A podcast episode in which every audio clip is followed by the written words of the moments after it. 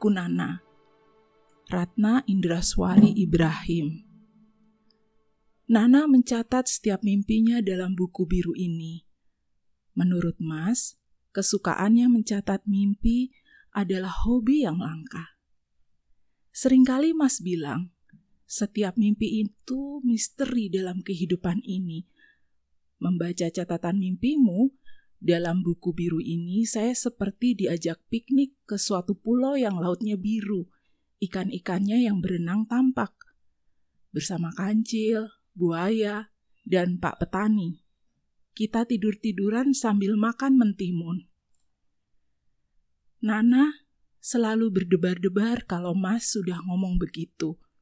Bisa jadi kedekatannya dengan Mas karena catatan mimpi dalam buku biru itu lainnya tidak.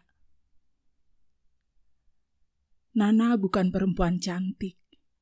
Tidak pernah tahu bagaimana cara omong-omong agar Mas lebih betah kalau bersamanya. Tetapi, apakah Nana bisa mencatat mimpinya semalam? Kemudian membiarkan Mas membaca catatan mimpinya itu sebagai bacaan ringan, kemudian membicarakan mimpi itu dengannya. Padahal Bisanya pembicaraan mimpi itu disertai gelak tawa mereka dalam menafsirkan arti mimpi. Mimpinya semalam. Melihat ibu yang telanjang. Nana Gamang. Apakah yang tersembunyi di balik mimpinya? Dia baru saja menelpon ibu. Beliau mengatakan dalam keadaan sehat-sehat saja.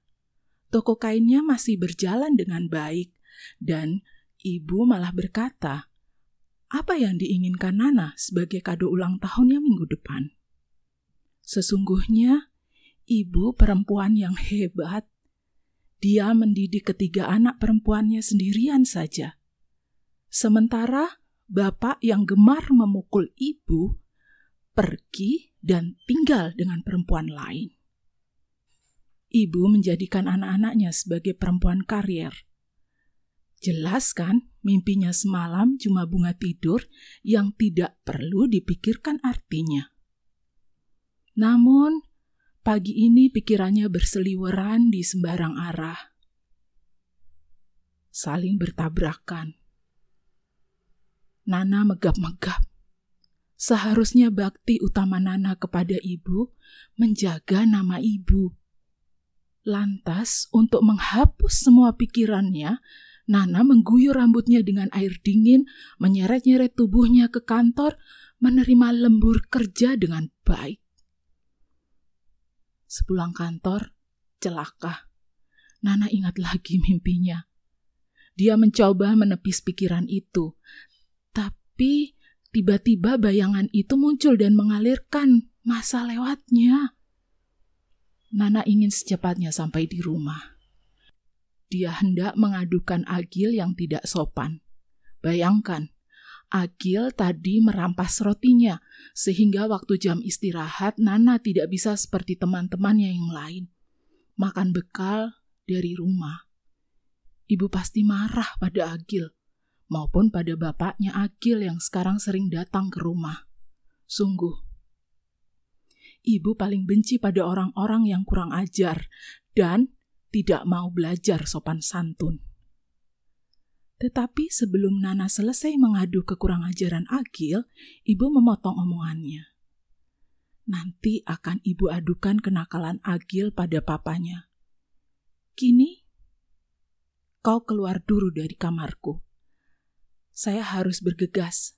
Sebentar lagi papanya Agil datang menjemput ibu yang harus bergegas dalam urusan bisnis. Nana keluar dari kamar ibu, mengguyur rambutnya dengan air dingin, dan malamnya bermimpi. Masuk ke hutan dan tersesat di rumah nenek sihir. Waktu itu dia baru saja berumur lima tahun. Kini, ia memasukkan buku biru itu dalam laci yang berkunci. Dan menunggu masnya yang janji datang malam ini ke tempat kosnya. Setelah mereka ngobrol banyak sekali, "Nah, mana buku catatan mimpimu? Dan apa mimpimu yang terakhir?" saya lagi banyak masalah di kantor. Boleh kupinjam buku itu? Saya ingin baca lagi mimpi-mimpimu. Akan kureka-reka agar bisa tidur nyenyak malam ini. Buku itu sudah saya masukkan ke dalam laci. Saya tak akan lagi mencatat mimpiku dalam buku biru itu. Mulai hari ini, saya tidak akan membiarkan orang lain membaca catatan mimpiku. Loh, mengapa kamu hentikan hobi yang langka itu, nah? Siapa tahu ada pakar psikologi yang menganjurkan orang lain mencatat mimpinya untuk menghilangkan atau menghindarkan stres. Ide itu kan muncul dari kamu. Nah, kalau kamu beken, saya kan ikut beken, seloroh masnya. Nana tidak menjawab. Lantas obrolan selanjutnya terasa sangat membosankan. Baik bagi Nana, mungkin juga bagi masnya. Sebab mas cepat sekali pamit pulang. Nana masuk ke kamarnya, peristiwa malam itu seperti dimuntahkan kembali. Pada waktu itu, setelah keluar dari kamar ibu, Nana tidak bisa tidur. Dia merasa seperti berjalan sendirian di dalam hutan. Tiba-tiba terdengar gelak tawa ibu, ditingkahi oleh suara bapaknya Agil. Nana merasa kepanasan dan ingin melihat apa yang mereka tertawakan. Ibu melihatnya. Ibu melihatnya. Nah, bilang terima kasih sama Om. Ini roti dan boneka pemberiannya. Ayo yang sopan. Kalau diberi orang harusnya bilang terima kasih kan? Nana mengucapkan terima kasih. Dan matanya tertumbuk pada kancing ibu yang terlepas. Sementara itu, Bapaknya Agil melihat dengan pandangan yang aneh sekali. Besok sore Nana mengundang Mas untuk datang ke tempat kosnya.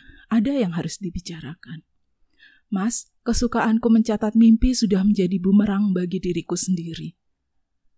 Ada apa sih dengan kamu? Bukankah hobi itu bisa membahagiakan kamu? Saya dan mungkin anak-anak kita kelak. Jangan bertele-tele. Ngomong yang jelas, biar problem kamu bisa kita selesaikan dengan tuntas. Sekalipun saya bisa bercerita secara runtut dan rinci, pasti kamu tak bakalan mengerti saya. Bisa jadi kau akan menghakimi kami. Semenjak kecil, saya tahu kita adalah orang asing bagi orang lain. Kau tidak adil, nak. Saya kan selama ini selalu berusaha mengerti kamu. Jika belum seluruhnya, itu kan manusiawi. Saya bukan dewa. Maaf, ada yang tidak kau sukai. Akhir-akhir ini, kau kelihatan tertutup denganku, padahal kita sudah sepakat masing-masing dari kita akan saling terbuka sepahit apa pun persoalannya. Nana tersentak. Maaf saya belum bisa memutuskan apakah dalam hal ini saya harus terbuka atau tidak. Saya harap Mas tidak menganggap persoalan ini sepele. Nana, apa sih yang ingin kau rahasiakan? Masa lewatmu. Saya kira kalau ada kesalahan dalam hidup ini, manusiawi. Tidak ada yang sempurna di dunia ini. Iya kan? Nana gemetar. Sebuah pengertian yang kedengarannya arif, sepertinya Mas sudah mengerti masa lewatnya. Dari sumber yang lain, Nana mengatupkan bibirnya sumber resmi bukan dari para tetangganya, tapi darinya. Kembali percakapan dengan Mas kali ini sangat membosankan. Dan malam itu Nana mencoba untuk tidur tanpa mimpi. Dimatikan lampu kamarnya dan sebuah bayangan melompat. Dilihatnya dari kegelapan ruang tamu, bapaknya Agil membuka kancing baju ibu. Kala Mas datang lagi ke tempat kosnya, Mas, apakah pernah saya ceritakan ketiga anak perempuan ibu dibesarkan dengan penuh perjuangan dan pengorbanan seorang ibu? Sungguh, saya tidak bisa menyembunyikan kebanggaan ini kalau saya mesti bercerita tentang ibu. Kau sudah berulang kali menceritakan padaku, tapi sampai hari ini kau belum pernah mengenalkan ibumu padaku. Hubungan kita tidak main-main, kan? Nana terperangah. Bisakah Nana menceritakan semuanya tanpa sisa peristiwa malam itu? Padahal sejak malam itu dia melihat terlampau banyak. Tapi harus di diam-diam saja. Nana menggelengkan kepala kuat-kuat, menepis apa saja yang akan muncul dalam pikirannya. Dia sudah lama mengubur dalam-dalam cerita ibu dan bapaknya Agil. Semua ini mimpi buruk yang harus dihapus seperti pita kaset. Sekarang dia sudah bekerja dengan karir yang layak. Ditambah lagi ada Mas yang sayang padanya. Sesungguhnya Nana sudah sering membayangkan akan menjadi ibu yang tidak ganjil di mata anak-anaknya. Tapi apa gunanya? Membesarkan cerita malam itu, sekalipun belahan hatinya yang lain mendesaknya untuk terus bercerita dengan jujur. Sungguh, dia khawatir kalau berjujur hati dengan Mas, suatu kali Mas akan merasa perlu menceritakan masa lewatnya kepada anak-anaknya. Dalam suatu percakapan, Mas pernah bilang, mendengar sejarah kehidupan baik itu, baik individu maupun dari masyarakat, berarti kita belajar kearifan. Nana tidak mempercayai omongan masnya. Kalau anak-anak tahu masa lewat keluarganya, anak-anak mungkin terluka. Tidak, setiap anak bisa mengatasi luka itu. Lagi pula, masih bisakah Nana menegakkan kepala di atas masnya dan anak-anaknya kelak? Kalau cerita itu sudah digelar, Sikap mbaknya yang tidak pernah menceritakan masa lewatnya mungkin sikap bijak yang patut dicontoh. Mbak Suli sering wanti-wanti kepadanya. Kalau kau menikah, jangan pernah kau ceritakan masa lewatmu bersama ibu kepada suamimu. Nanti masmu tidak bisa respek pada ibu. Bisa jadi dia akan memfonis ibu secara dangkal seluruh sikap ibu yang pernah kita lihat, tepatnya kau lihat, adalah manifestasi dari kepedihan ibu, karena ulah bapak yang gemar memukul ibu dengan kejam. Ibu tak mau membalas kekejaman bapak, karena kita tetap anak-anaknya bapak.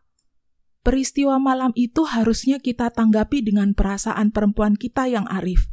Sebab kita tahu hanya dengan bapaknya Agil ibu merasa bisa berbagi rasa.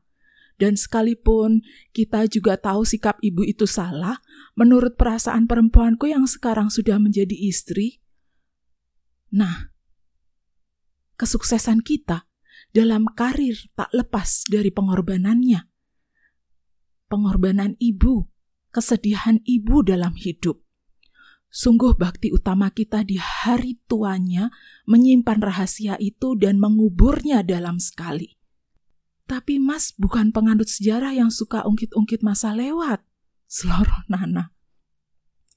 Kini masmu lagi kasmaran padamu, tapi sebagai suami entahlah nah, kita ini perempuan, setiap perempuan selalu dalam posisi salah Bayangkan kalau Mas sampai tahu rahasia kita dan suatu hari anakmu nakal, kemudian suamimu bilang, "Kamu nakal, niru siapa?"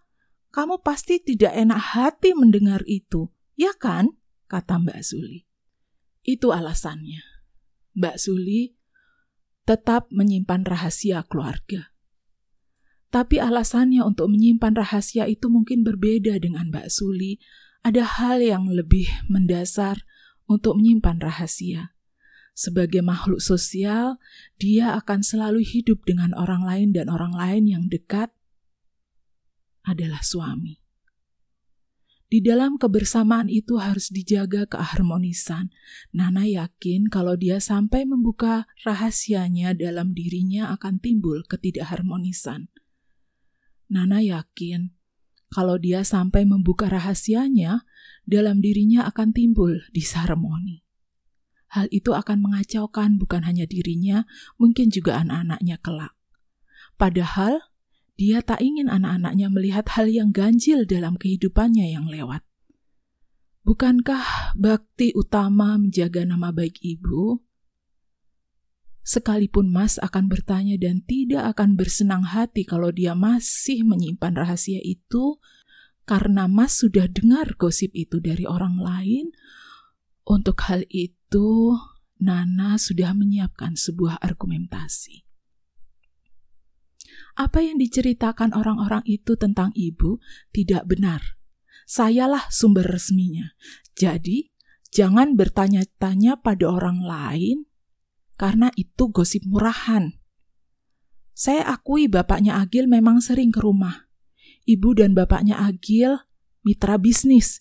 Bisa jadi mereka pernah saling jatuh cinta, tapi itu manusiawi kan? Percintaan mereka tidak berakibat buruk bagi keluarga bapaknya Agil. Sampai sekarang mereka masih utuh dalam perkawinan. Ibunya Agil menganggap saya sebagai anak sahabatnya. Dan dengan Agil sendiri, dia yang mengenalkan kau dengan aku kan? Dia sahabat saya di kota ini. Ya, gosip itu muncul dari saingan bisnis ibu yang cemburu pada keberhasilannya sebagai pengusaha. Hal yang dikhawatirkan itu datang. Kala Mas datang ke tempat kosnya, dia bertanya kebenaran gosip yang melanda keluarganya. Dengan telak, Nana mengeluarkan argumentasi yang sudah direncanakan itu. Mas pasti ngotot mendebat argumentasinya. Tapi aneh sekali malam itu Mas cuma bilang, ya, ya. Besoknya dia sakit kepala. Nana tidak yakin beberapa lama dia bisa bertahan dengan obat sakit kepala itu.